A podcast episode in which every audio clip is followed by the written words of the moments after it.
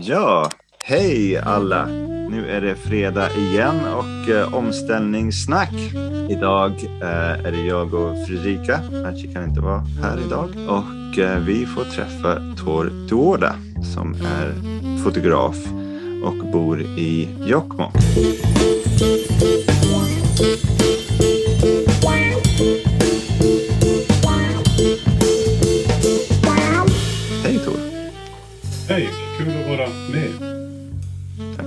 Du bra idag? Ja, det mår bara fint.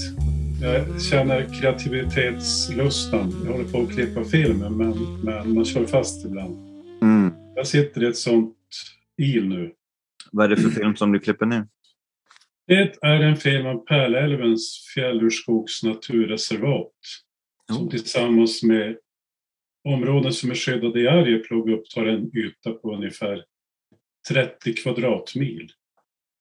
Historien om varför den bildades, varför det är så bra med gammelskogar, är forskare och renskötare och människor som lever och verkar i området. Plus en, hel- en massor med naturbilder. Och,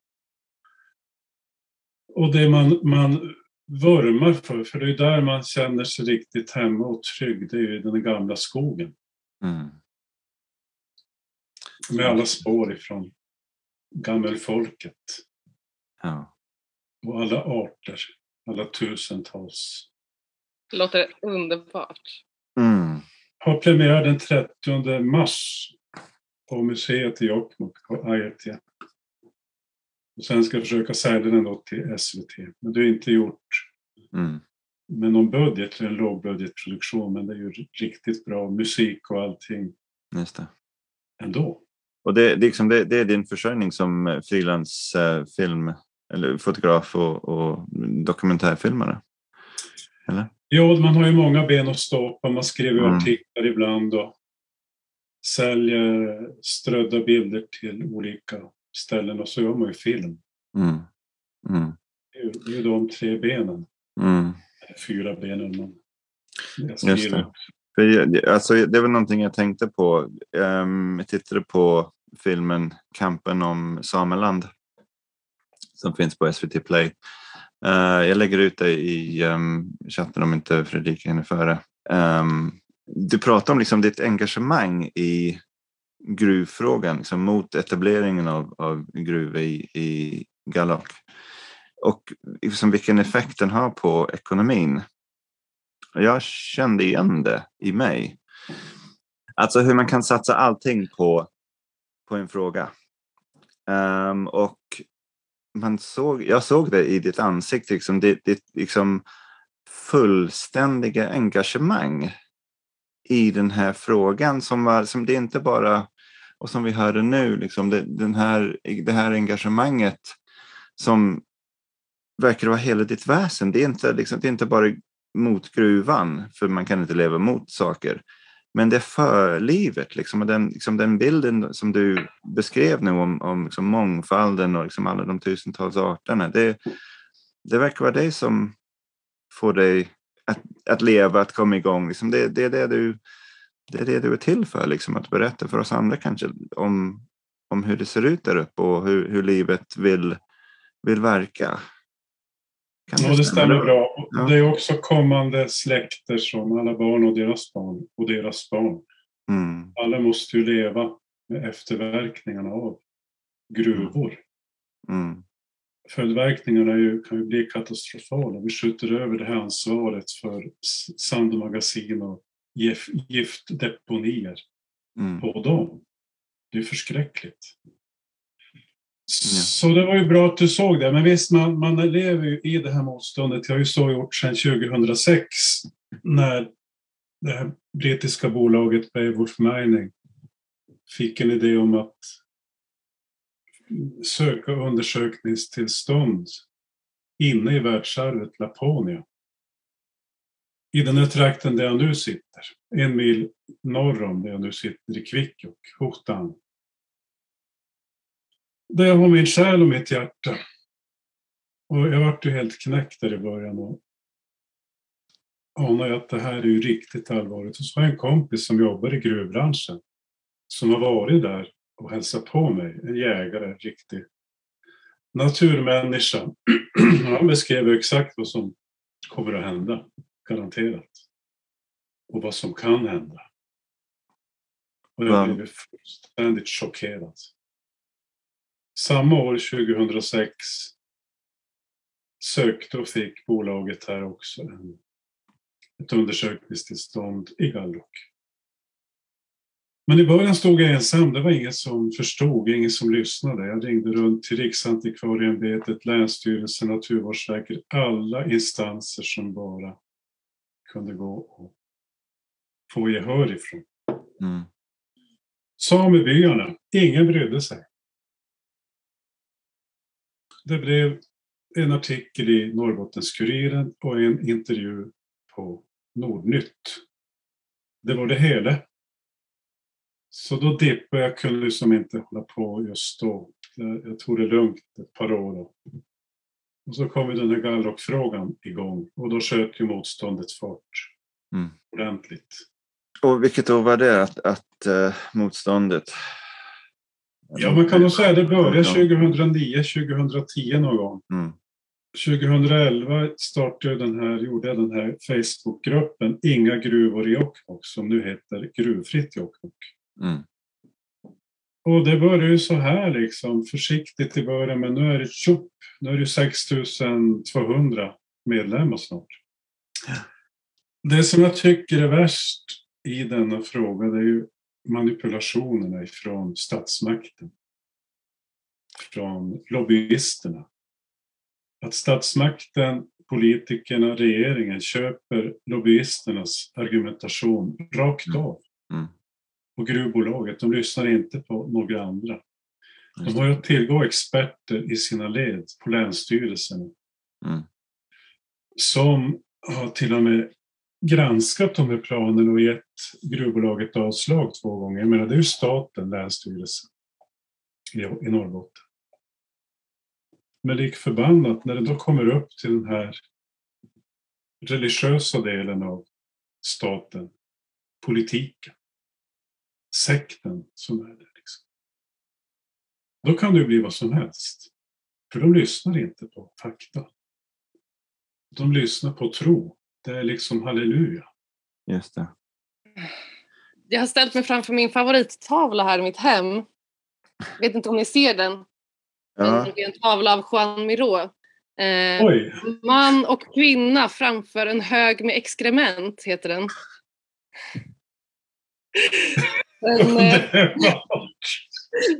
den har levt i mig eh, sen jag såg den här dokumentären igår.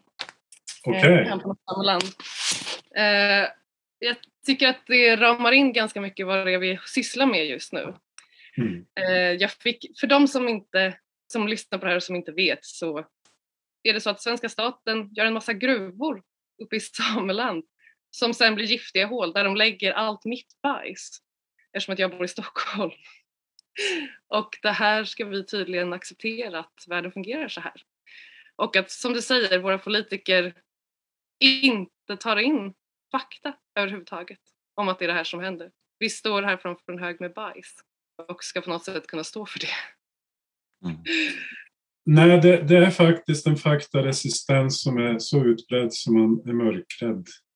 Mm. Och det, det gäller ju skogsbruket och vindkraftsparkerna och ny vattenkraft och allt möjligt Mm. också. Mm. Det är en kolonialism som Mhm. pågår fortfarande. Sverige på 1600-talet, man tittade avundsjukt på Belgien och Portugal och England med flera och såg hur de bärgade hem stöldgods från typ Latinamerika. Mm. Som finansierade deras krig och Sverige ville göra detsamma men man hade inte resurser, kunskap så man koloniserade vårt land istället. Eh, Det finns mycket att säga om de första gruvorna. Jag har skrivit ett blogginlägg på min blogg kvikkjokk.nu där jag beskriver hur de läcker, de här gruvorna, tungmetaller än idag, fastän det är 400 år sedan de bröts. De sprängdes upp. Och jag har kontaktat Länsstyrelsen som säger att Det var fyra objekt jag, jag lämnade in. Båda de i silvergruvorna från 1600-talet och så två andra objekt. De kände till silvergruvorna men de har inte varit dit och kontrollerat dem, tagit prover på läckagen. Och de andra två objekten kände de inte alls till. Och de vill ju då att Jokkmokks kommun är tillsynsmyndighet, att det är kommunen, en liten fattig kommun som ska ansvara för det här. De läcker konstant tungmetaller till lilla Lule älv och ingen djävul bryr sig. Hur ska man då agera när det gäller nya gruvor? Man har som ingen, eh, inget konsekvenstänk och man bejakar inte miljöbalkens försiktighetsprincip någon gång. Nej. Man bara kör. Man vill att folk ska kunna jobba i gruvor hej vilt med de extremt höga löner, dubbelt som ett vårdbiträde, som finansierar en lyxkonsumtion. Mm. Det är ett ekorrhjul, det är en ohållbar situation som måste brytas. Mm. Och det är samma som i skogsbruket. Ska man råda bot på klimatförändringar, eller inte råda bot, men hjälpa upp situationen, då är det ju att stoppa kalhyggen omedelbart. Stoppa gruvor omedelbart, för de är också en enorm bov. Kanske inte de som är i drift, men absolut inga nya gruvor. Mm. Utan allt krut ska satsas på återvinning av redan uppbrutet material. Det finns ju jättemycket Mm. att göra. Men det talas inte om. Nej. Det är så inkompetent och så jävla korkat som man tror inte det är sant. Och den här gruvan i Gallok, det är järnmalm. Och så går man ut och säger att ja, det är, det är bra för den gröna omställningen. Hur kan järnmalm vara bra för den gröna omställningen? Vi har ju tre järnmalmsgruvor i Norrbottens län Mm. där 80 procent typ exporteras. Det är inte för något inhemskt bruk. Man gör pengar på en ändlig resurs. Man spekulerar. Vad ska våra barn ha? Är det de som ska gräva upp gammal infrastruktur under städerna, leta i soptippar? Nej, det, det måste, folk behöver eh, vakna upp till hur världen egentligen fungerar. Jag tänker att det finns så många olika vägar att gå i det här. Ska vi liksom prata om vad som kan göras lagstiftningsmässigt eller vad vi som vill vara allierade kan göra. Alltså, jag håller själv på och liksom försöker utbilda mig i hur världen faktiskt fungerar. Jag är mer eller mindre född i tunnelbanan. Kanske första gången jag var utomhus var jag väl typ 14 år gammal ungefär.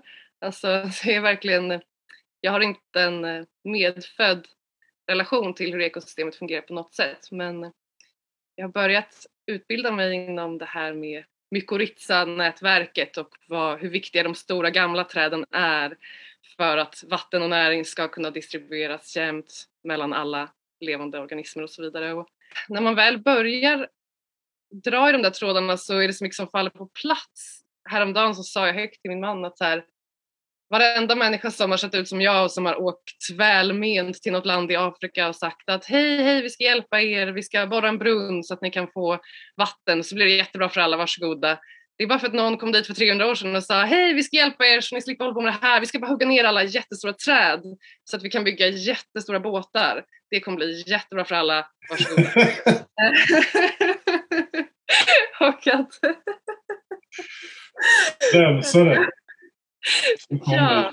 Mm. Och sen så ser man på, jag har varit inne lite på Svenskt Näringslivs hemsida och kollat vad de har för planer på hur de ska rädda miljön. Eh, och det som de tycker är bäst är ju förstås att ha en gruva. Eh, och sen så säger de att det viktigaste är pålitlig el. För att Sverige ska klara en omställning måste vi ha pålitlig el så att vi kan elektrifiera industrin. Och sen så slår man på Agenda eller någonting och så hör man politikerna bara rapa upp exakt samma sak som kommer från Svenskt Näringsliv. Och någonstans behöver vi väl också titta på vad Svenskt Näringsliv har för intressen och om det överhuvudtaget speglar folkets intresse att typ överleva. Eh, det är faktiskt en fråga om liv och död och det verkar inte ha landat hos folk. Det är som den här stora bajshögen som jag fortfarande, jag kan inte sluta se den. Det är liksom, det är så mycket att ta in av hur mycket som har gått snett för flera hundra år sedan. Och det är inte ens bara en fråga om att ställa om till ungefär som vi har det nu men typ lite snällare utan det är faktiskt en fråga om, som du sa i början David, om läkning. Ta hand om platser som har förstörts också och att lämna tillbaka någonting till naturen. Vad, vad tänker ni? Vart orkar man gå med det här liksom? Fredrika, då har du kommit fastän du är född i tunnelbanan. Det var ju, jag har aldrig hört någon som är född i tunnelbanan. Det var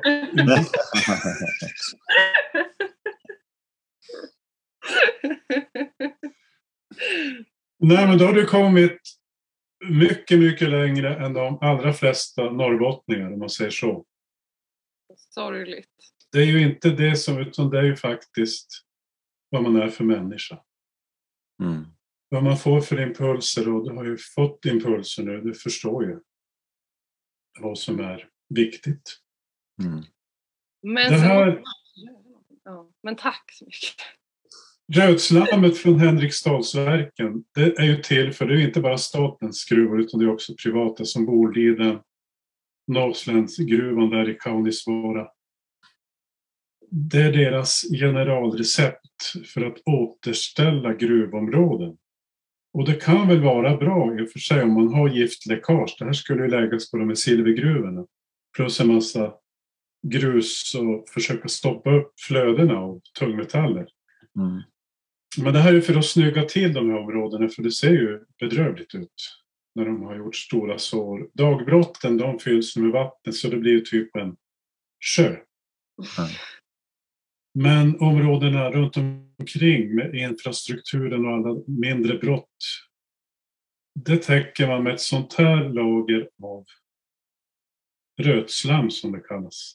Som går med särskilda tågsätt från Henriksdalsverken utanför Stockholm till Aitik, till Bolidens gruvor i Västerbotten. Överallt ser man när man går på de här gamla gruvområdena hur det är som oaser av illgröna ytor. Det är ju sån extrem gödsel i det där bajset liksom. Mm. Så om du sår gräs där det exploderar, det blir som en djungel. Mm. Men den, den här rötslammet innehåller ju hormoner, läkemedelsrester, gödningsämnen och det läcker ju hela tiden också Mm. Till vattendragen. Så exempelvis Skellefteälven avvattnar ju ett 20-tal gamla och nya gruvor. Jag har inte fått kunskap om det, men jag har skrivit på det här, eller om det här på min blogg, att de har ju flyttat sin vattentäkt. Tidigare tog de den i älven. Men nu har de djupborrat efter grundvatten istället.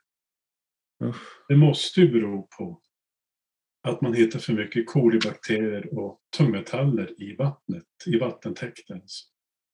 Så det måste finnas mätningar på det? Ja, det måste ju finnas, men jag har inte haft ork och kapacitet att Nej. söka, men det måste finnas. Ja, de är Jag inte försökte sätta några journalister på det här också, men Nej.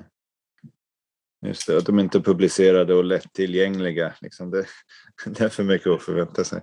ja, det är lite prestige där också. Ja. För det är ett stort, en stor negation mot gruvnäringen. Mm. Och det får man ju absolut inte kritisera. Nej. Den är helig. Har varit så sedan 1500-talet. Stommen till den här minerallagen kommer ju från det seklet. Ja, precis. Minerallagen är ju liksom, det, det är häpnadsväckande. Det är verkligen helt um, otroligt. Vill du kanske ge oss en, en, en, en kort version av vad minerallagen säger? Ja, men det är ju det är så mycket, jag är inte så hundraprocentigt insatt, men Nej, nej, så, men ja.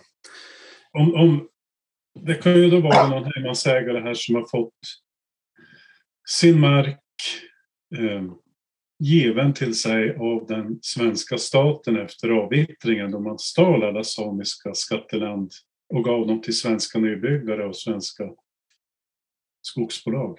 Mm. Då kan det alltså komma en mineralprospektör och knacka sten. Men här var det intressant och då inmutar man hela det området. Det kan vara privatägd mark. Markägaren har ingenting att säga till om. Allting som är under marken det tillhör prospektören, den som har inmutningen. Mm. Så du är ju helt friställd. Hur än du protesterar så om processen rinner på så då blir det en gruva. Som i Norra Kärr, Northland utanför Pajala. Ja, överallt liksom. Och det som är markägaren får i ersättning det är ju 0,3 promille. Det som går till staten är 0,2 av det beräknade mineralvärdet. Eh, det här finns ju mer att läsa om på Gruvfritt Jokkmokk under filer. Det finns väldigt mycket information för den som vill förkovra sig. Det är sånt här man inte talar om högt. Minerallagen har tittat efter den här informationen i lagen och den är lätt att hitta också i, i själva lagen. Mm. Så det är inte en massa rotvälska utan det står klart och tydligt där. Mm. Så det är inga pengar. Nej. Sen finns det ju två grejer i det här som är helt makabra egentligen. Att äga natur. Mm. Och sen att det enda värdet som existerar i den västerländska ekonomismen, det är pengar. Mm. Det finns ingenting annat. Mm. Men är som renskötarna säger här, det går inte att ersätta de här, de här markerna. Hur ska vi kan inte köpa på Ikea nya renbetesmarker, det går inte. Nej. Och sen en annan sak, om jag nu babblar på ännu mer. Vi har ju en, en statsminister som heter Magdalena Andersson. Som var finansminister. Jag vet inte, hon är skolad bio, eller ekonom. Eh, men eh, om man tänker på det här med ekonomi, då är det någonting som betyder att man vårdar, förvaltar begränsade resurser. Men om man under ett par generationer har som målsättning att gräva upp, spränga bort allting som finns av kända malmkroppar, ändliga resurser. Vad är det för en jävla galen ekonomi? Mm. Och sälja det till högstbjudande världen runt. Nej men det är totalt vansinne. Ehm, Jag är mer eller mindre hemmafru skulle man kunna säga. Jag håller mest på med ideellt arbete och så bor vi litet och lever på min mans lön. Så vi pratar ju mycket om just hushållning, Mm. vad det är. Mm. Och att den ekonomin som vi är en del av nu är eh, sanslöst, sanslöst slösig. Mm. Eh, Det finns ingen idé om en riktig hushållning. Och det här som du pratade om, gruvan och gruvkulturen.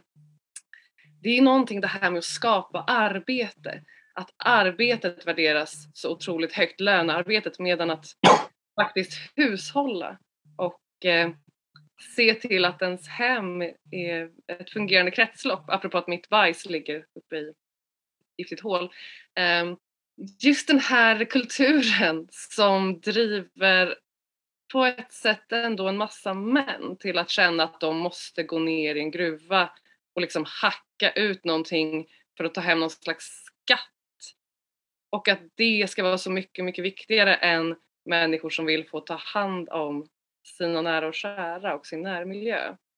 Jag kan tänka mig att det kan vara svårt där du bor att liksom prata om den sortens mjukare värden och maskulinitet kanske. Oj, nu försvann han. Åh nej. Vi tappar honom.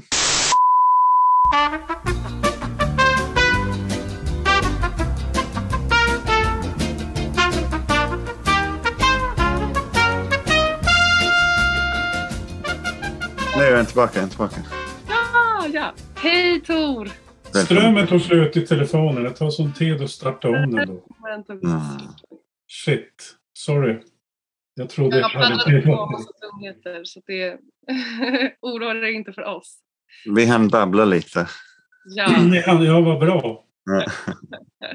Ja, vi var just, vi var just inne på liksom hur, hur världen eh, fun funkar. Ja. Som, eh, som Fredrika använde. Um, och liksom idéer om, om hur, alltså, som vi har eh, om hur världen fungerar, liksom, de, de krockar oftast. Jag liksom tänker det som, det, det som eh, urfolk och en del andra liksom har, eh, som urfolk alltid har liksom vetat och, och hållit och, och några av oss andra har liksom, eh, kommit fram till igen, så att säga, eh, är att, liksom, att, att allting hänger ihop livets väv liksom, eh, går in i varandra. Men liksom den övergripande berättelsen är av industrialiseringen. Liksom människans uppgift är att förvandla naturen till eh, pengar och mm. avfall.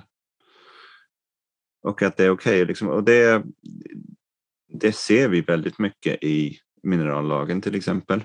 Att um, marken och det som ligger under marken till, alltså det, det har inget värde förrän det är i någons ficka. Så någon som kanske bor på en annan ort också. Och, och det du som liksom är, har liksom en annan syn på, på naturen får möta dina grannar och kanske före detta kompisar som, som har den här industriella synen på världen och hur det, de ideologierna Alltså jag kunde se i ditt, i ditt ansikte i filmen liksom, hur liksom hela ditt väsen var, det blir ingen gruva här. Det kommer inte att hända för mig. Liksom. Och likaså de som var på andra sidan, vi vill ha en gruva. Och att hur, hur de går till, eh, inte bara eh, personattack liksom, och, och dödshot äh, mot dig för att det skulle, för det skulle bli till. Liksom, de här ideologierna hålls på en sån nivå att de är onåbara för, för information.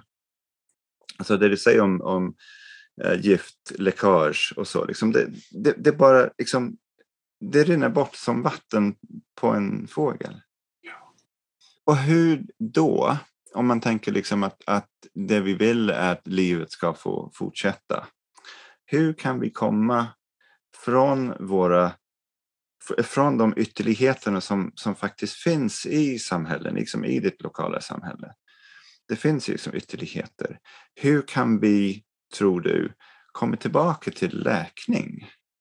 Eller hur kan vi komma, kanske inte tillbaka, hur kan vi komma fram till läkning? Är det möjligt? Är det någonting som du har sett? Eller vad, hur tänker du kring det? Jag är nog ganska mörk där, för jag tror det är väldigt svårt att förändra vuxna människor. Jag, jag tror ju på Greta-generationen. Det är ju den som... Och generationen som inte finns. Mm.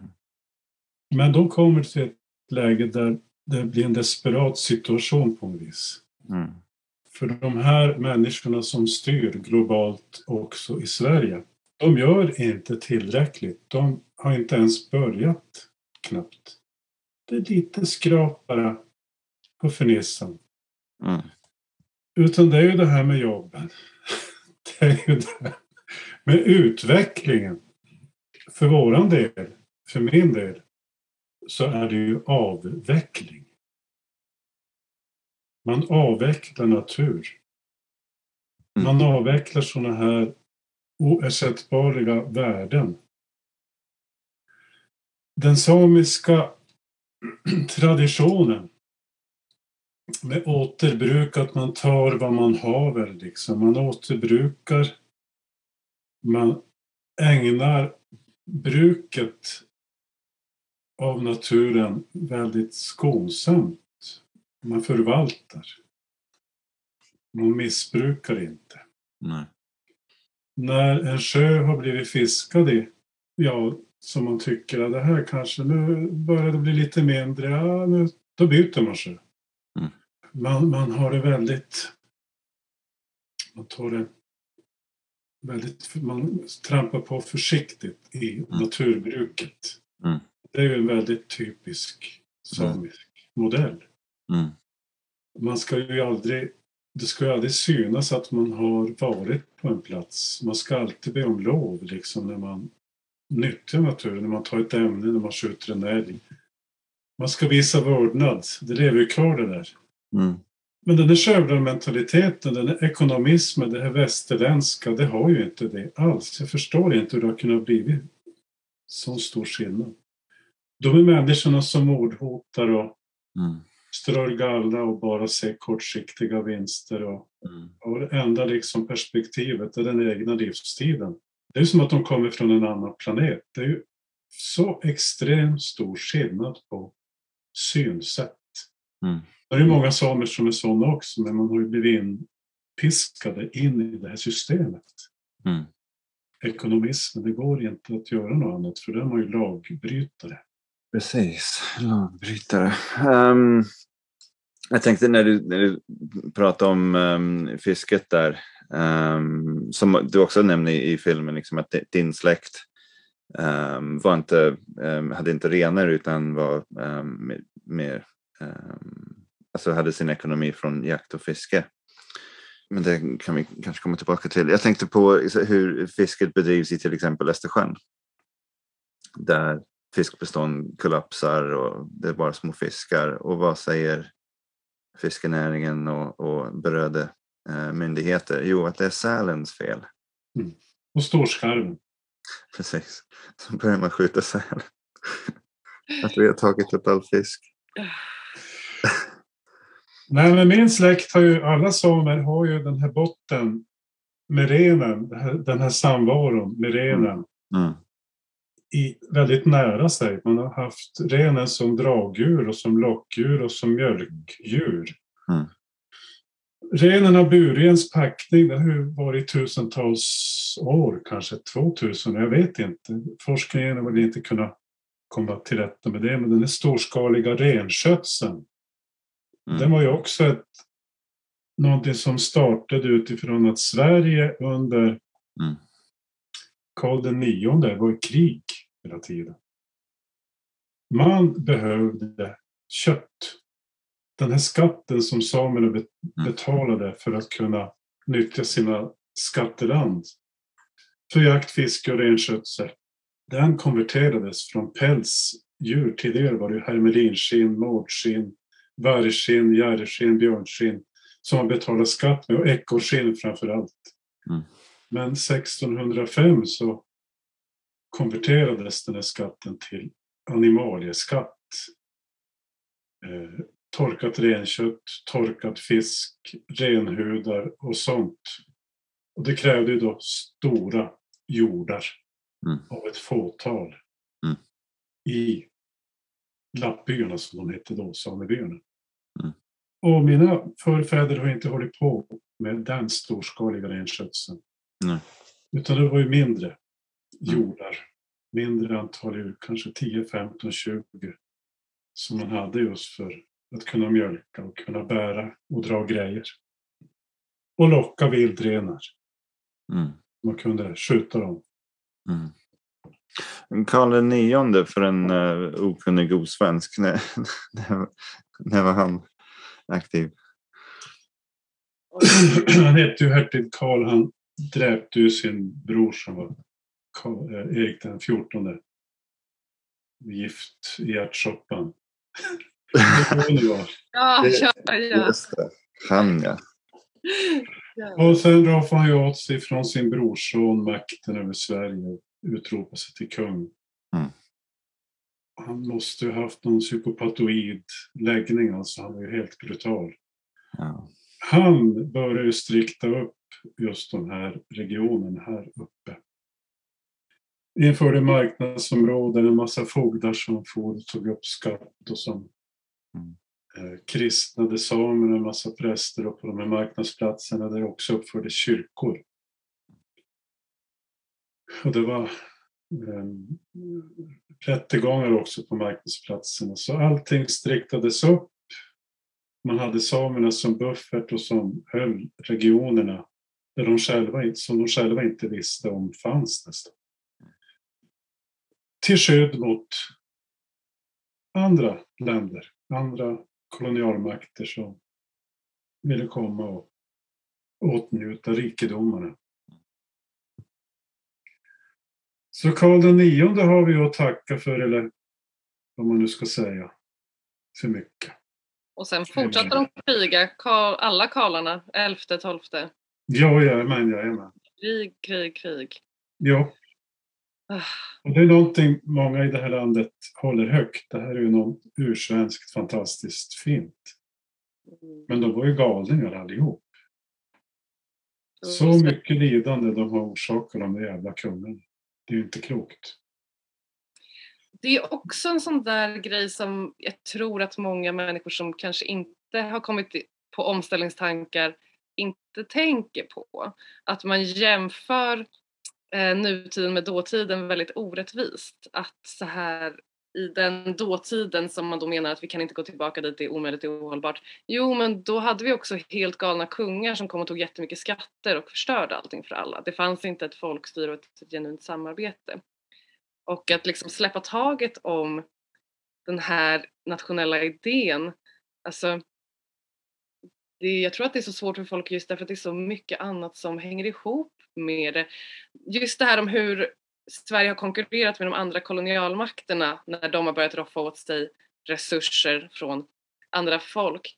Eh, jag läste om det för ett tag sedan om hur Preussen under den här perioden, för att de inte heller hade så, de var inte så bra på att stjäla som de lite större länderna, men de eh, kunde istället styra upp en armé som mer eller mindre blev ett skolsystem där man tog barn från sina föräldrar i tidigare tidigare ålder och satte dem i skolor för att alla ska få samma generella utbildning och då är det lättare att få liksom en, en samhörighet som nation och då var det lättare att kriga mot de andra och så vidare. Så att Preussens liksom skolsystem blev så framgångsrikt att det sen spred sig till resten av Europa och att det är det vi har nu och det är det som svenska staten har tvingat på också. Både oss själva och andra folk som mm. absolut har valt att vara med i det. Och har man då, alltså jag minns själv från att gå i vanlig svensk skola att urfolk pratar man om som, alltså i past tense, vad heter det, dåtid, att det är liksom något som är på museum nu och att mm. eh, det här projektet är liksom det som gäller och det är ju en slags hjärntvätt. Alltså, jo, visst är det det. Mm. Ja. Och att eh, kunna ta sig ur det tänket. Alltså det kanske krävs en chock. Ska man börja skrämma livet ur folk med att vi alla, alltså med hur illa det kommer gå om vi fortsätter? Eller vad ska man liksom, hur ska man rusta om sig själv ur det här? Ja, men jag, tror, jag tror ju på folkbildningen, så metodiskt, sakta men säkert på olika nivåer. Man behöver inte mm. ge folk dåligt samvete. Vuxna människor är väldigt svåra att förändra. Och ska man nu vänta på Greta-generationen och den generationen innan ja, deras barn liksom. Det tar för lång tid. Vi har inte den tiden på oss. Mm. De här förändringarna måste ske, omställningen måste ske här och nu. Mm. Någonting man skulle kunna göra väldigt enkelt är att stoppa kalhyggen omedelbart. Mm. För de släpper ut oerhört mycket koldioxid, metangas, lustgas. Och är ju gammelskogen här, det finns ju knappt kvar några i Norrbottens län. Norr, landskapet Norrbotten, det är ju 99 procent skövlat. Men de gamla skogarna, de är ju outstanding när det gäller att binda kol. Och de växer, de, de står ju inte och stampar utan de växer. Det blir en årsring varje år. Stenhårt virke som håller väldigt mycket kol. Du böjer ju aldrig en kvist på en sån där gammal tall som du gör på en, en, en ung tall, det är som urslig, ursligt virke i dem. Du kan ju böja en sån där ung plantagetall rakt ner. Mm. Så en, en insats, det vore ju det. En annan insats som krävs om Sverige ska klara miljömålen om 30 procent skydd av skogar med skogar, det är att restaurera skogar, återställa skogar till naturliga skogar. Man, man, man bygger ihop de här små öarna med restaurerade stråk emellan, bygger på och bygger om. Liksom. Det är, som exempelvis Australien, de har ju nu för att förhindra de här wildfire, enorma eldstormarna. Jag hörde igår att det var ju 500 miljarder dollar. Mm. Så de ska satsa på det, för att de har inget annat val, annars brinner de upp. Mm. Är det dit vi måste komma i det här landet? Mm. Med den fantastiskt kortsynta Mm. politik. Mm.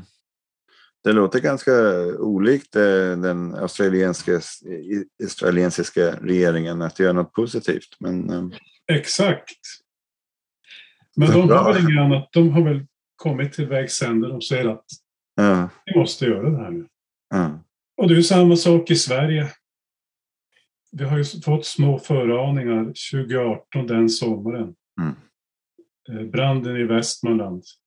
De här enhetliga plantageskogarna, kommer det, är det de förutsättningar då som är optimalt eh, hemska för en sån här eldstorm?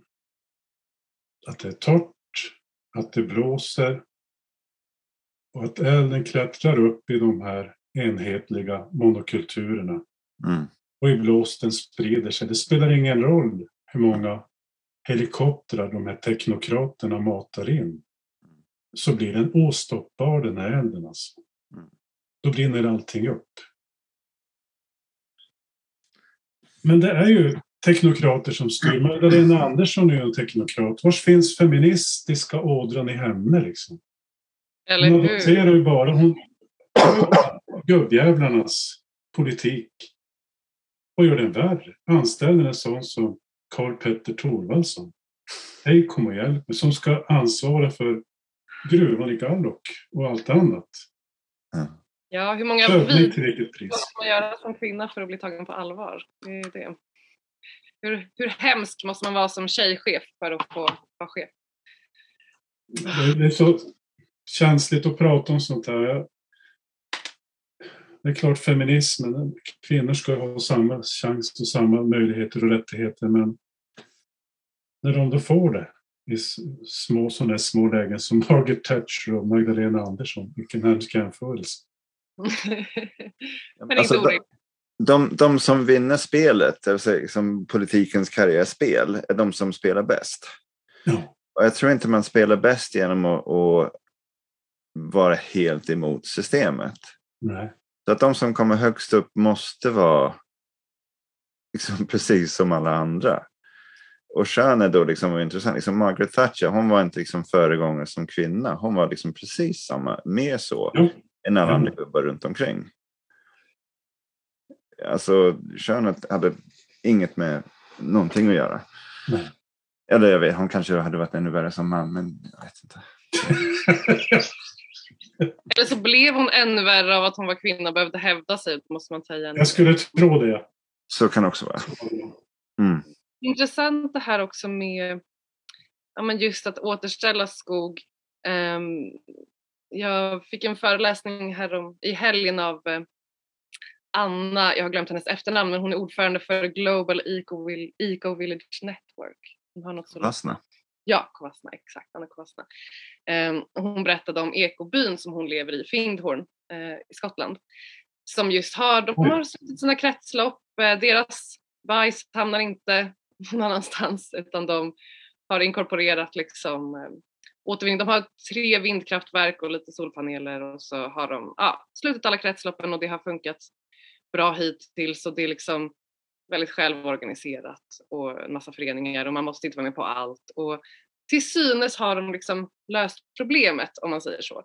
Men nu då så har de äldsta som var med och grundade byn, de har alla gått vidare. Och eh, det är en yngre generation som ska försöka ta vidare och det har också blivit så pass populärt att det har flyttat in fler och fler människor. Och då har de nya människorna fått ta med sig lite nya solceller för att den ström som de har på plats den räcker inte riktigt till och de har börjat nå den här ja, kritiska läget när man helt enkelt är lite för många. Ska man dela upp sig? Ska man bara växa? Hur ska man egentligen göra liksom? Eh, och jag frågade henne just om vad de har för planer, hur de jobbar med att regenerera ekosystem. Eh, och då sa hon att det finns lite två linjer här och att den ena handlar mer om rewilding eller att lämna tillbaka yta till naturen och låta naturen göra det som den gör. Medan den andra handlar mer om så här, hur kan vi överhuvudtaget tillgodose våra egna behov på vår egen plats? Eh, hur kan vi producera så mycket mat och kläder och tvål som vi behöver eh, och klara oss. Liksom. Eh, och att man har olika fokus där i liksom sitt ekoarbete, eller vad man ska säga. Eh, och att i omställningen så, mm, om man ska säga lite mer stadsfolk som jag då, som ju är ganska många och som behövs övertygas. Jag kan tycka att det folk är mer öppna för idén av att liksom, ah, men vi ska odla våra egna grönsaker och, och, våra kläder när de blir gamla då ska vi mala ner dem och spinna en ny tråd och sticka en ny tröja och så håller vi på så här. Men att just se värdet i att lämna tillbaka någonting. Och som du sa, be om lov, eh, visa vördnad. Eh, den omställningen, att inte helt enkelt vara överst i pyramiden. Eh, låt oss liksom, om man skulle dagdrömma att man på något sätt får en massa människor att fatta det här. Ibland känner jag att det kommer hända, folk kommer vakna, det löser sig, det kommer nå någon slags kritisk tipping point där tillräckligt många fattar så att det blir en trend så att det vänder liksom. Och ibland så känns det som att alla är sådana idioter inklusive jag själv, det här kommer aldrig gå. Men om det på något sätt fungerade att folk började ta till sig en sån, ett sådant tankesätt liksom, i majoritetssverige. Så att det faktiskt gick som majoritetssvensk och en del av det svenska samhället att möta, inte för att klumpa ihop någon, men liksom den samiska kampen eller den samiska kulturen med någon som helst respekt och jämbördighet. Tänker om du liksom fick drömma stort, alltså hur, hur skulle ditt liv kunna se ut? Hur skulle, hur skulle det kunna vara för dig på den platsen där du är om det här på något sätt började ske? Hur skulle livet kunna funka? Skulle det kunna vara ett samarbete och ett utbyte eller är det bara så här, låt mig vara i fred, eh, kom bara inte hit och gräv så löser sig allting. Alltså, om du fick ha en drömvision.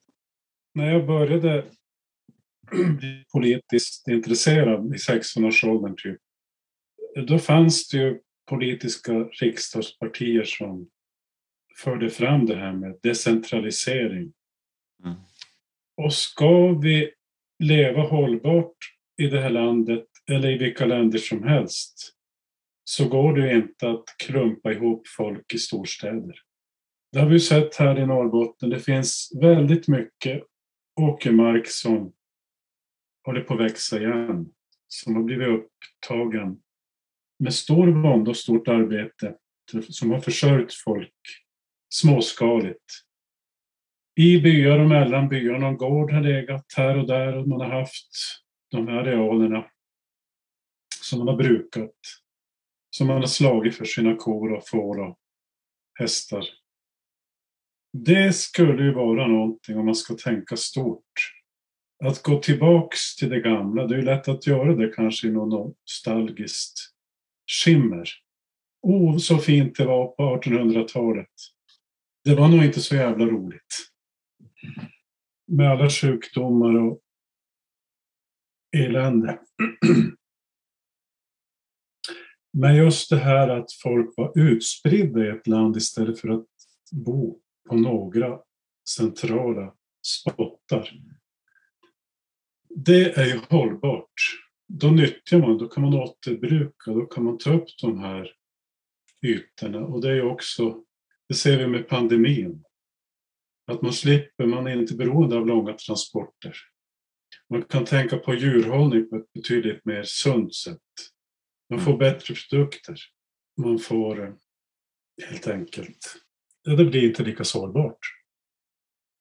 Att man har skolor, små skolor, alternativa skolor till sina barn, släpa bilar om in, som vi gör till Jokkmokk, fyra mil och mm. fyra mil in.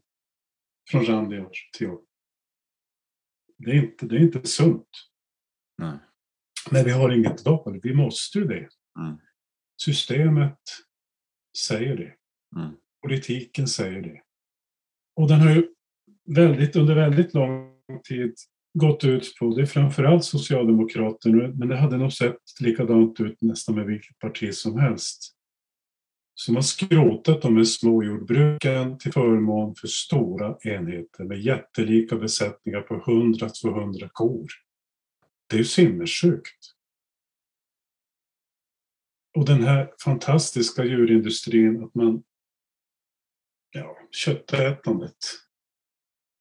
Det här storskaliga köttätandet, kycklingar, man, man, blir, man får ju tårar i ögonen bara man tänker på hur man behandlar djuren. Grisarna. Mm. Det är ju fabriker. Ja, det är koncentrationsläger. Ja. Precis, liksom den industrialiseringen av allting. Ja, Det är även liksom vår, vårt föde. Äh, föde. Men um, ja, härligt, liksom, vilken eh, fin version och det matchar i princip precis våran. Men eh, radikal lokalisering eh, av eh, allting tillbaka till, till byarna. ja. Jag håller på med ett tält, sen kommer jag till dig David och Mm. passar dina barn eller någonting. Jag kan inte bo kvar här längre helt enkelt. Det måste bli byar. Jaha, okej, du ska flytta hit? Okej. Ja, du får bara leva med det. Det, det blir så nu. Jag kan inte skicka mer till de här bajshögarna. Det går Nej. inte. Får han uh, torrdass in, på innergården. Ja, jag längtar, jag längtar så mycket. Men alltså, det skulle vara en stor attraktion tror jag. Du kan eh, tjäna stor pengar på att låta andra bajsa där också. Så, Eller hur? Det kan bli någon otrolig ny turism. ja, Bajsturism. Hur kan vi tjäna pengar på det här? Skoja. Ja. Nej men det står innan Tor om att man har betalat skatt i eh, olika sorters skinn. Och sen så förändrades det till att bli olika sorters kött och att den efterfrågan som ställs såklart påverkar eh, valutorna och så vidare. Jag, eh, har, jag och en granne vi har försökt införa ekollonvaluta i vår stadsdel. Det går inte jättefort om man säger så. Ehm, men vi jobbar på det. Men eh, David har sagt att det finns problem med det också. Att förvandla någonting till en ekonomi på det här sättet. Ehm, det då, vad ska vi göra med det? om det? Om det inte funkar att ha en valuta överhuvudtaget. Liksom. Det, ja. någon, någon som har några bra idéer? Om valutareform. Ja, vad ska vi, vad ska vi vänja oss vid och, och tänka istället för det här, åh snart får jag mina pengar, vad skönt det ska bli, då kan jag köpa de här grejerna. Om det nu är så att det funkar inte vilken valuta man än har. Ja, Byteshandel. Vad sa du? Ja, byteshandel. Informella sektorn, den, den talas ju alldeles för lite om. Man kan ju byta tjänster och varor med varann istället för pengar. mm. Eh, Men pengar måste väl finnas eller något liknande kanske, jag vet inte. Jag är för dåligt insatt i vad som skulle kunna... Ja. det känns, känns som, som en liten som stickspår. Ja. kan ta det någon gång. Ja, alltså Mm. pengar är ju, är ju energi egentligen. Ehm, så om, om den kan liksom återfå den eh, funktionen Mm. så är, är peng, pengar i sig inte ond. Men det är vad vi gör med den. Och eh, ackumulation. Alltså när, när energi liksom samlas på hög, som bajs, höga till exempel, det är också energi. Mm. Samla allting tillsammans så blir det liksom eh, lite äckligt och liksom Just det, just det. eh, en koncentration som är fel. Liksom, istället ska liksom, det ska flöda igenom ekonomin, genom livet och, och liksom, man ska inte ha liksom, stor hög med pengar. Mm. Man ska genomflöda av pengar. Mm. Eller man kan ha det. Mm. Ehm, och sen liksom den här konsumtionsmindset. Kan man gärna lämna det här. Ja, det måste man gå vidare ifrån. Ja. Ja, men jag håller med, det är lite off topic. Men tillbaka till ett annat topic som jag var lite inne på innan och sa massa dumma fåniga saker om. Men hur man är en bra allierad. Ehm, jag som eh, högljudd, ehm, jobbig, irriterande stockholmare eh, tänker ju ofta på det att det kanske inte är liksom det bästa för dig personligen Tor eller om vi ska säga kampen att jag kommer att ställa mig bredvid dig på Instagram och vrålar om att eh, ekonomin eh, måste liksom läggas ner och att eh, och det sades lite om det i dokumentären också, att det är inte så trevligt när de kommer hit och ställer till med en massa bråk. Eh, ja, det var ju en samisk man som sa det, ja. Mm. Vad, hur känner du där med liksom, eh, är det bara så här all, va, alla man på däck kom hit och lägger framför maskinerna. Vad kan man göra mentalt för att liksom vara, en, en vet, att vara till någon hjälp, att inte bara komma och vara i vägen och snubbla runt och göra det värre om man säger så? Ja, det är ju att kontakta politiker om man har någon sån kontakt. Det är väldigt svårt att få kontakt. Det är omöjligt att få ett personligt besök. Kunna besöka en politiker. Då ska du boka i för, förväg flera månader. Och i bästa fall får du väl komma till någon pressis liksom. Men skicka mejl, skriva insändare. Eh, men det som vi behöver hjälp med, jag tror ju tyvärr att regeringen kommer säga ja till, till denna gruva och till de andra gruvorna som också planeras i kommunen. Det här är bara början på helvetet. För det finns i Socialdemokraternas DNA. Det är det här de gör. De älskar gruvor, säger de ju själva. Mm. Miljöprövningen väntar ju sen och det är svårt för det här projektet att klara miljöprövningen men risken är stor att de ändå gör det. Mm. Då finns en försvarslinje kvar. Och det är massiv fredlig civil olydnad. Mm. Att man i kluster, ett par hundra människor, ute i terrängen förhindrar exploatören att exploatera. Mm. Då har de inte en chans. Då måste de ändra lagen, liksom att tillåta militären rycka in. För det har vi ju sett i skogsupproret att det är effektivt. Och det har vi sett också från andra. Det finns mm. ju andra exempel. Till och med Sara Lidman, hon blockerar ju skogsmaskiner på sin tid. Men det här är ju för att förhindra. Mm. Utan våld, men bara vara tjurskallig. Inte hörsamma ordningsmakten. Mm. Då är du välkommen Fredrika. Tack. Och även David. Ja, tack. Eh, det har min fru pratat om länge. Liksom, eh, alltså, ja, så fort, om, om de beslutat att, att, uh, att, det, ska, att det kan bli en, en gruva där så har hon sagt att liksom, hon, är, hon är på väg. Så att vi, vi kommer hela familjen. Ja, absolut. Vi kommer också. Min man går och längtar efter att få lägga sig framför maskiner. Det är det enda han pratar om. Mm. så att man får vara en hjälte äntligen. Ja. alltså det, det, det är ja. intressant det här. Alltså, och det här har jag sagt någon gång förut, liksom, att jag har, jag har nästan aldrig behövt vara emot någonting på det sättet. Liksom. Jag, jag växte upp som, liksom, i England, liksom, medelklassfamiljen. Ja, det var inte jättemycket pengar, men liksom det för att allting gick på försäkringen, eller så livs, mina föräldrars livsförsäkringar visade det sig sen. Um, men um, alltså, jag har inte behövt liksom, kämpa för att skolan inte skulle stängas eller att uh, jag skulle behöva liksom, fred, alltså, skydda mitt livsmiljö. Det, det var liksom urban miljö redan. Liksom. Och allting ska man göra en gång i tiden. Det var också, alltså apropå min, min härkomst, så det var någonting som jag noterade när jag tittade på filmen som jag ville, jag ville spela upp och, och prata om lite grann. Och det är, näst, ja, jag har, en, jag har det lagt upp här från ungefär sex minuter in i, i filmen. Och det är när eh, ordföranden på Beowulf håller upp bilden. Så jag spelar det här lite, det lilla klippet, kanske någon minut eller en och en halv minut. Eller någonting. Styrelseordföranden för det brittiska gruvbolaget Beowulf Mining. Han fick då frågan på ett aktieägarmöte i Stockholm vad lokalbefolkningen kommer att tycka om en gruvetablering i Kallak.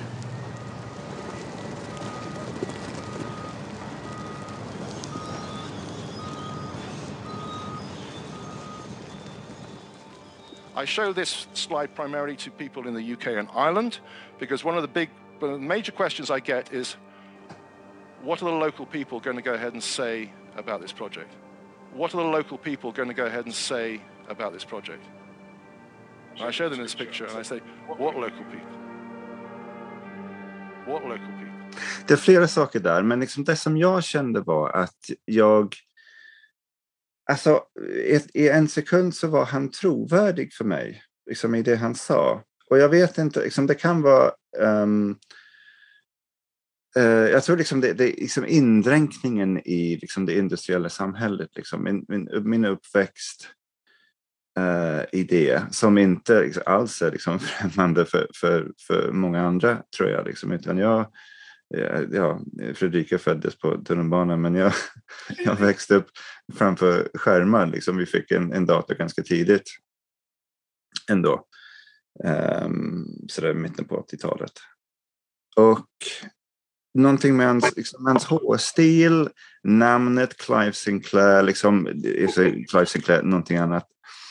Och liksom den där, den där bilden, liksom, den adliga bilden, liksom, det, det blir på något sätt, och kanske bara för mig, jag vet inte. Eh, andra i chatten får liksom säga om, om ni reagerar på samma sätt. För jag misstänker att det är någonting med min, min eh, att jag är engelska och, och att, att det har med det att göra. Um, men i en sekund så var det, ja just det, det är ingen där. Och liksom det, det, då kommer allt annat på plats också. Liksom hela den här vad är värdefullt? Hur skapar vi värde i det här mm. samhället? Um, vad är civilisation? Liksom, att också, engelska liksom, imperiebyggarna, liksom, titta det är bara tomt. Det kan vi ta. Det är ingen skada skedd, liksom, för det är ingen människa där. Och jag blir liksom bedrövad över den där liksom, sekunden. Eller ja, skammen kommer också nu. Um, eller halv sekund vill jag rätta mig till. Av, av, um, av liksom igenkänning. Av liksom, ja just det. Och alltså, det, det, om jag känner det så är, inte, så är jag inte ensam om det. Liksom. Det är helt garanterat. Liksom. Det är andra som reagerar på samma sätt också. Och liksom det retoriska också, att han upprepade varje del liksom i, i meningen. Liksom det var en kort mening, men allting var upprepat två gånger. Det är väldigt skickligt gjort liksom, för att föra den här berättelsen vidare. Att hålla det vid liv. Och väldigt liksom um, att det slutar just med liksom närbild på, på din dotter um, Astrid. Um, att man liksom blir väldigt tagen för där är ju lokalbefolkningen i allra högsta grad. Så jag vet inte, om, väcker det någonting i er? Jag kan förstå dig. Alltså man blir ju, man blir ju danad. Man lever i ett samhälle och blir ju helt enkelt eh, inte dränerad. Indoktrinerad, mm. kan ju säga. Mm. Nej men visst, Clive Sinclair Paulson. Jag mm. menar, fuskskador men dock. Mm. Det är namnet. Mm. Tunga pix. Ja. Men en, otro, en otroligt, jag träffade honom kort i Jokkmokk. Otroligt belevad, trevlig. Men omfattar det här uråldriga engelska koloniala mönstret av att, hur man beter sig. Liksom. Det är sorgligt. Mm. Inte för att några andra länder är bättre, men det är så. så det, och hur människor... Nej men du är samma här alltså. Jag har ju lärt mig, jag har ju aldrig, jag menar från, från grunden har jag ju vetat att jag har samisk rött, men jag har tagit tillbaks släktnamnet. Det var inte så länge sedan. Mm. Så jag har ju dekoloniserat mig själv personligt. Mm. Lärt mig, sugit åt mig grejer för att jag var så jävla less på det här mm. svenska, den svenska kulturen, den här ekonomismen. Jag vill bort ifrån det. Mm. En gång reste jag till Skottland. Vi var ett gäng från Norrbotten. Jag varit bjuden på en resa. Vi skulle besöka The Northern Islands och träffa företag där för att knyta kontakter. Och det var ju fantastiskt. Man hade ju hört talas om det här The Moors. Roger Moore, liksom. Mm. The Highlands. Åh, oh, fantastic. Och vi hade en äkta skotte då som äkta skotte. Han kunde, han kunde prata så det är obegriplig skotska. Ja. Ibland ringde, han körde den här minibussen, då ringde, ringde någon då, kollega. Och då pratade han skotska med kollegan. Jag fattade absolut ingenting. Nå, men i alla fall, vi rullade ut ifrån Glasgow och kom ju längre och längre norrut liksom och så upp på the highlands. Som man har hört det besjungna. Det är som de svenska fjällen. Mm. Det är fantastiskt. Men jag då med min bakgrund, jag kunde inte låta bli. Så där satt ju åtta stycken lyriska norrbottningar i bussen. Nu fick de äntligen se The Moors Mm. and The Highlands. Mm. Och jag ropar högt och ljudligt. Men fy fan, det här är ju ett enda stort jävla kalhygge.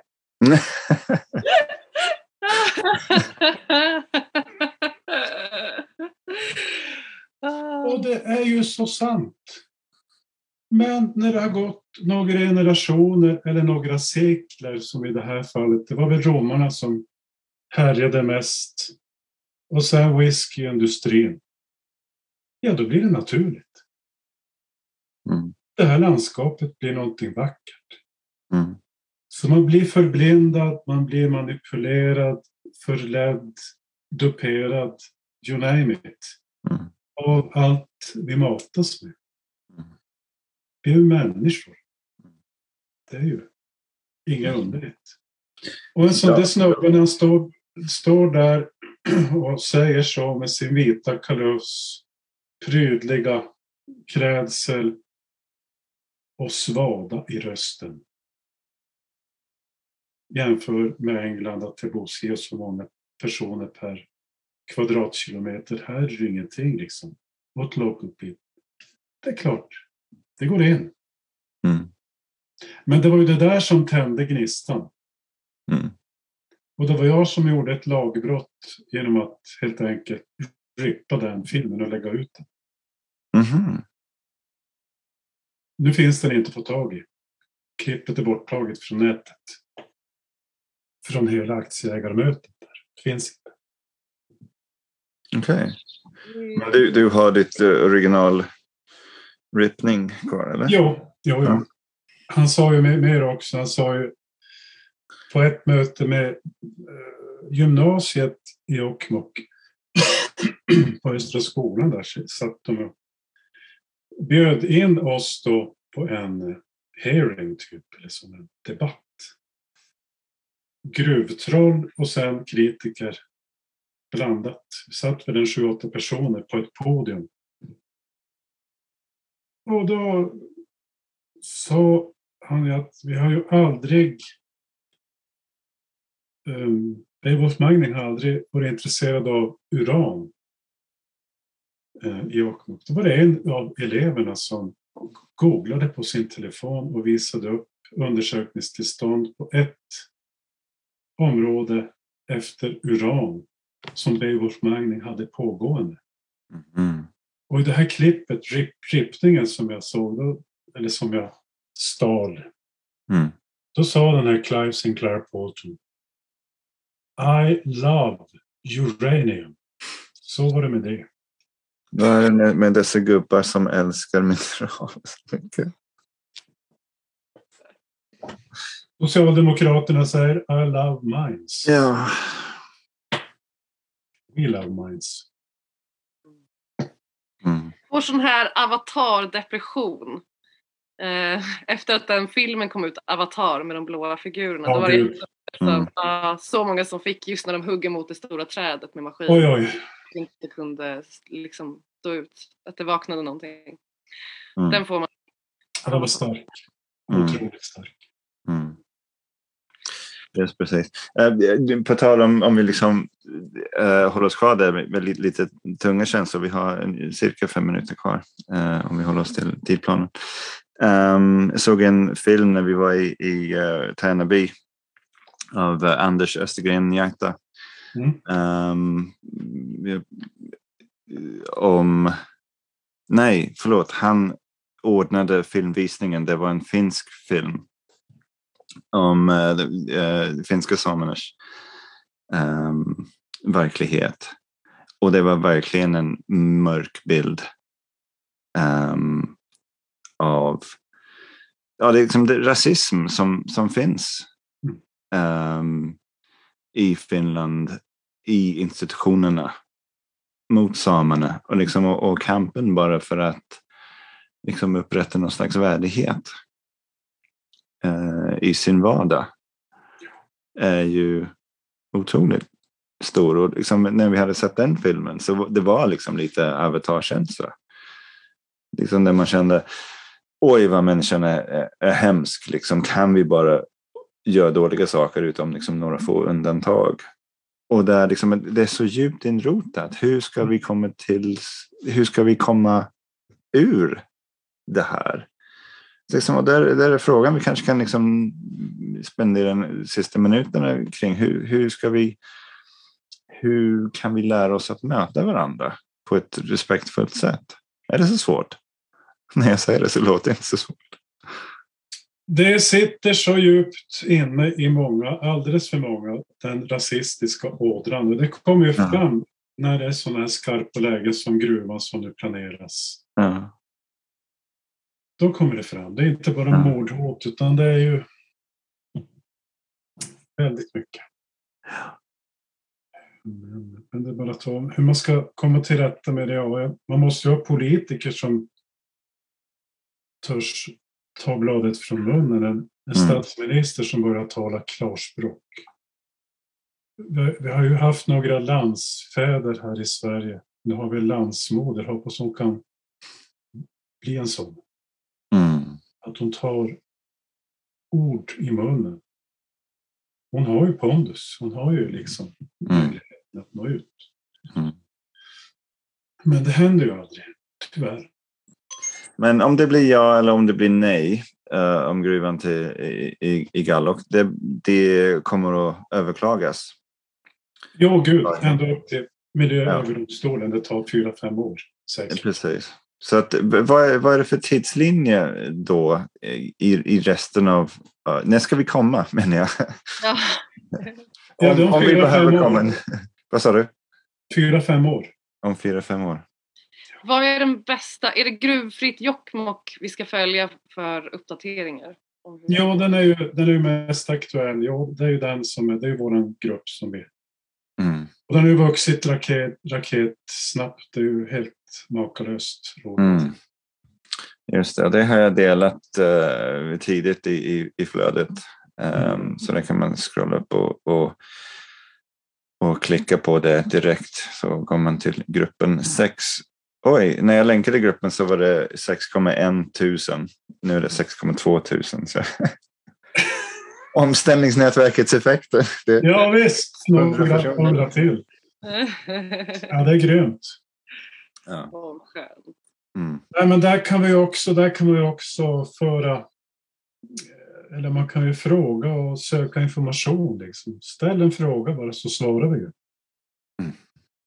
Men vi har ju nolltolerans mot gruvkramare. Mm. De åker ut direkt. Just det. Det här är en fredad zon bara för Ja. oss. det är inte en, en debattforum om, om... Men det kanske är bra. Vi måste ju tänka på jobben och utvecklingen. Ah. Halleluja! Mm. Ja, jag hoppas, om jag ska våga hoppas på någonting, så hoppas jag att jättemånga människor ska se den här dokumentären, Mm. Samland. Eh, jag tycker den är otroligt välgjord och jag tycker att man konfronteras väldigt skarpt med, eh, om man bor i Stockholm och sitt eget bajs, men också om man bor i Sverige, eh, ändligheten. Ni Mhm. kör vid ett tillfälle genom ett uppborrat landskap och han som kör bilen säger att ja, det finns ju en gräns och när det är slut här då är frågan vart vi ska bygga härnäst. Mm. Eh, och så svindlar det och så förstår man Mm. vart liksom är på väg. Mm. Och någonstans så hoppas jag ändå att de, de så kallat progressiva krafterna i vår kultur just nu, jag kan ha alla möjliga känslor inför dem, jag tycker att det går åt många olika håll. Men ska vi hoppas på någonting så är det väl just att kunna se en annan kultur, inte som något mindre värt. Alltså den självklara koloniala attityden av att vår metod är bara bättre. Vi har vetenskap och massa så här argument som gör att vi bara vet hur det ska vara. Istället för att, Teknik. ja, istället för att det finns något som helst intresse för någonting annat. Och eh, där, eh, där hoppas jag att vi ska börja. Eh, Att se att det måste kanske inte vara en stor metallmaskin med tusen knappar för att räknas som teknologi. Det finns icke-materialistisk teknologi. Man...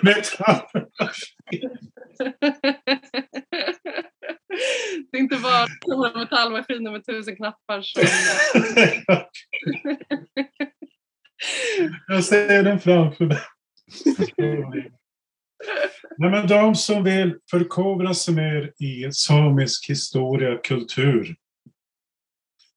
Den bästa och me- mest lättlästa och eh, roliga och brutala bok som finns. Den är rätt så nyligt utgiven. När vi var samer. Av Mats Jonsson. Låna den på bibliotek eller köp den. Yes. Helst köp den för det är väldigt mycket som, som är roligt att gå tillbaka till. Den är fullproppad med information, historia och sanningar som aldrig har berättats. Knappt. Han är ju serietecknare så han har tecknat sin släkthistoria. Och byggt upp den här historien. Och England finns ju med där också. Mm. 1842 när det här partiet, eh, vad det nu hette, som inte jag visste, skrotade tullarna på något vis. Så att det var då skövlingarna började här. Av skog. Just det. För att ge kraft åt den industriella revolutionen, Mm. Ångrevolutionen. Jag har skrivit in den rekommendationen i eh, Facebook-chatten. Okej. Jag har inte läst den själv ännu, men um, Ja, den är superbra. Mm. Den är grym alltså. Helt. Mm. Är det någonting mer du vill eh, lägga till? Är det någonting vi inte har frågat dig om idag, Tor? Ja, ja, men, ja, jag vet inte. Det finns mycket men vi kanske nöjer oss. Du får hemskt tillbaka om du har tid någon gång att prata mer. Det är Jajamän, bara Mm. hör av er så ska vi Mm. fixa det. Jättebra. Så att, ehm, jag hoppas att vi inte har liksom, anledning att ses på det sättet.